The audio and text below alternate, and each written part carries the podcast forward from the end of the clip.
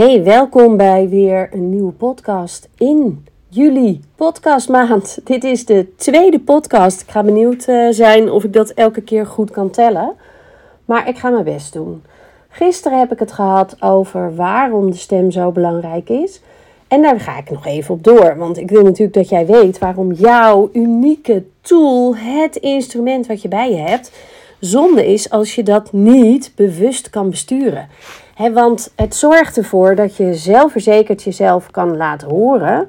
Dat je nooit meer stress hoeft te hebben voordat je dus, zoals ik nu bijvoorbeeld, hup, ik ga een podcast maken en ik zet hem aan en ik ga praten. Je spreekt voor je bedrijf, in je bedrijf, op een zelfverzekerde manier. Zonder dat je belemmerd wordt door allerlei overtuigingen waarom jij je maar beter niet kan laten horen of zien. Daar zijn we nogal goed in en met we bedoel ik vrouwen. Alle mannen, welkom om deze podcast te luisteren. Ik werk individueel ook met mannen en um, in groepen werk ik met vrouwen. En waarom met vrouwen? Vrouwen hebben, zijn er heel goed in om zichzelf kleiner te maken en minder voor te doen dan dat ze zijn. En ik weet niet zo goed waar het vandaan komt. Ik heb er wel een idee over. Namelijk we zijn dit van vroeger uit gewend. Want ik ga je een verhaaltje vertellen. Begin 1900 was er een jonge vrouw, Elisabeth. Elisabeth was voor haar doen, 32 jaar, al redelijk oud om niet getrouwd te zijn. En op de leeftijd van 32 jaar trouwde ze met een man. En in mijn fantasie was het niet haar vrije keus om met deze man te trouwen. Het was iets wat hoorde. Hij was 30, zij was 32, ze moesten met elkaar trouwen. Dat is wat ik erbij verzinnen kan.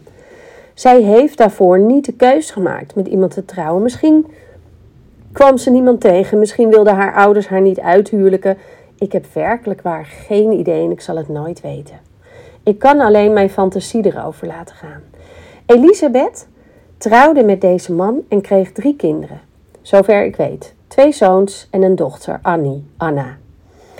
En Elisabeth kon heel mooi zingen en ze kon orgel spelen. En na haar huwelijk heeft ze nooit meer orgel gespeeld. Want dat mocht niet van haar man. Haar man noemde ze de tiran. Annie praatte ook over haar vader als de tiran. Het was een tiran. Mijn moeder mocht alleen maar in de keuken staan en haar stem niet laten horen, vertelde Annie. Dus Elisabeth heeft haar hele leven in de keuken gestaan zonder dat ze mocht praten. Letterlijk mocht ze haar stem niet laten horen. Dus niet alleen maar ik mag er niet zijn, want ik mag niet stemmen, waarbij het wel eens over hebben. Maar zij mocht haar stem niet laten horen. Helemaal niet. En Annie zei: Heel soms zong mijn moeder als mijn vader weg was. En ze had een prachtige stem. Annie heeft haar moeder wel een keer gevraagd: Moeder, waarom zegt u niks? Waarom zegt u niks terug tegen vader? Waarop Elisabeth zei: Ik kan beter de lieve vrede bewaren. Oh my god, als je dat toch denkt, hè? Tegen je man, je partner, moet je dat eens voorstellen. Hij zegt vreselijke dingen. Ze mag in ieder geval haar stem niet laten horen. Dan heb je dus nergens recht op, denk ik, in je huwelijk. Kan er alleen maar hele vreselijke dingen bij bedenken. Zij mocht haar stem niet laten horen en koos daarvoor om de lieve vrede te bewaren. Nou weet ik dat Annie door haar broers geslagen werd met de riem. Dus ik kan me enigszins voorstellen wat voor tiran haar vader was. Want van wie leer je dat? Maar, afijn, ik wil er bijna eigenlijk niet naartoe, omdat ik er buikpijn van krijg. Als ik zo ver terug ga in voelen hoe dat geweest moest zijn voor Elisabeth. Annie vertelde dit verhaal ooit aan haar dochter, Elisabeth Johanna Christina, genoemd naar haar oma. Elisabeth, of Elsa werd ze genoemd, heeft dit aan mij verteld. Een jaar voordat ze overleed. Want Elsa is mijn moeder. Dus ik ben een achterkleinkind van Elisabeth die in 1900 leefde. Het was mijn overgrootmoeder. Mijn overgrootmoeder mocht haar stem niet laten horen. Ik werk al mijn hele werkleven met spreken en de stem. Het is bijna bizar. Toen ik dit hoorde, anderhalf jaar geleden, viel eigenlijk alles op zijn plek. ze zeggen wel eens: uh, You teach what you need to learn most. En ik heb altijd gedacht: ja, ik kan wel spreken. Spreken vanuit je hart, spreken vanuit je gevoel is nog wat anders dan veel kunnen praten. Veel kunnen praten betekent: ik zit veel in mijn hoofd. Echt kunnen spreken vanuit je gevoel, daar moet je voor naar binnen. Daar moet je toch wat persoonlijke eh, dingen aankijken. Hè? En eigenlijk bleek dat ik dat helemaal niet zo goed kon.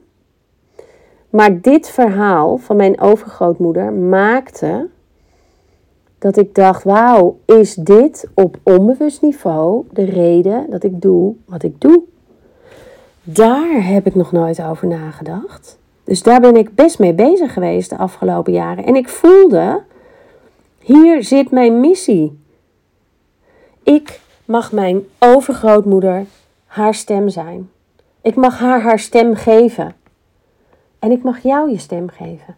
Ik mag alle vrouwen die nu hun stem niet laten horen omdat ze denken dat ze niet goed genoeg zijn, dat niet kunnen, dat er niemand op ze zit te wachten. Wie zijn ze nou helemaal om zichzelf te laten zien en horen aan anderen? Om te vertellen alsof zij de beste zijn in wat ze doen, wat je moet doen. Nee, dat doen we allemaal niet. Ik hoef niet op een podium. Joh, die ambitie heb ik allemaal niet. Alles wat je kan zeggen om jezelf kleiner te houden, zo zie ik het, heb ik wel gehoord. Maar wat zeg jij tegen jezelf om jezelf groter te laten worden? Om te zeggen: ik mag het wel, ik kan het wel.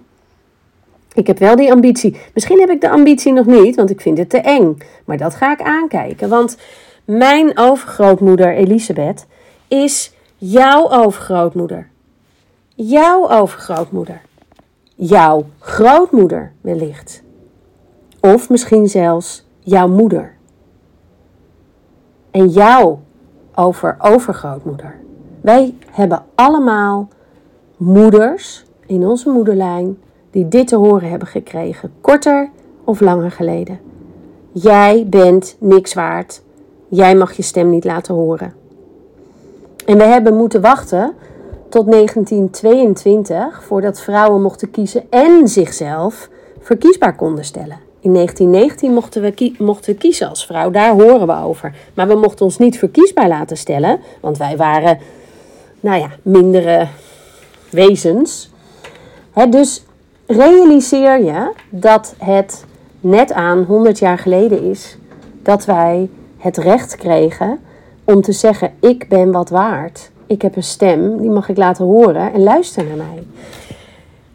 Nou, dit is mijn missie. Dit is mijn missie. Je weet nu waar het vandaan komt en ik voel hem zo diep in me. Dus op het moment dat je nu denkt: Wauw, ik voel deze ook. Stuur me een berichtje en ik kan zeker wat voor je betekenen. Hè? Want het is natuurlijk zo dat ik hele mooie trajecten en groepsprogramma's heb waarbij ik vrouwen begeleid hoe ze hun stem zo kunnen laten horen dat ze anderen echt raken. Dat ze mensen naar zich toe trekken. Dat mensen aan hun lippen hangen. Dat mensen niet afgestoten worden. Maar ook dat ze het gaan doen. Dat ze zich gaan durven laten zien en horen. Dat ze op dat podium stappen. Mocht je nou voelen, ja, daar wil ik wat mee. Wacht het niet af. Hè? Want je kan wachten op het goede moment. Misschien ben ik er nog niet, misschien ben ik nog niet zo ver. Maar dat goede moment gaat niet komen. Het is het goede moment als je voelt bij iets wat je hoort of merkt: oh, wauw, hier word ik blij van. Dan is het het goede moment. En het mag een beetje spannend zijn, want dan is het nog beter. Als er geen spanning op zit, als je denkt: ja, maar kan dit allemaal, ik doe het wel, dan is het ook niet het goede moment. Er mag een beetje spanning op zitten, absoluut. Dit is waarom ik doe wat ik doe. En Mocht je nou zeggen, dit vond ik ehm, inspirerend. Ja, ik vind het natuurlijk tof als je deze podcast deelt. Als je dit met anderen deelt.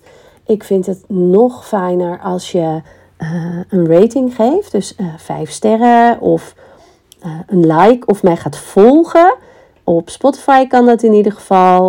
op Apple kan je ook ehm, sterren uitdelen. Op mijn YouTube kanaal kan je mij volgen. Hè? Er zijn heel veel manieren. Maar het is zo dat hoe meer mensen het naar buiten toe laten blijken, dus hun stem horen, laten horen ook daarin, van hé, hey, ik vind dit gaaf wat je doet. Hoe meer mensen dat doen, hoe meer mensen mijn podcast of video's te zien krijgen of te horen krijgen. Dus ik dank je heel erg als je dat wil doen. Daar help je mij mee. En morgen ben ik er weer met een nieuwe podcast.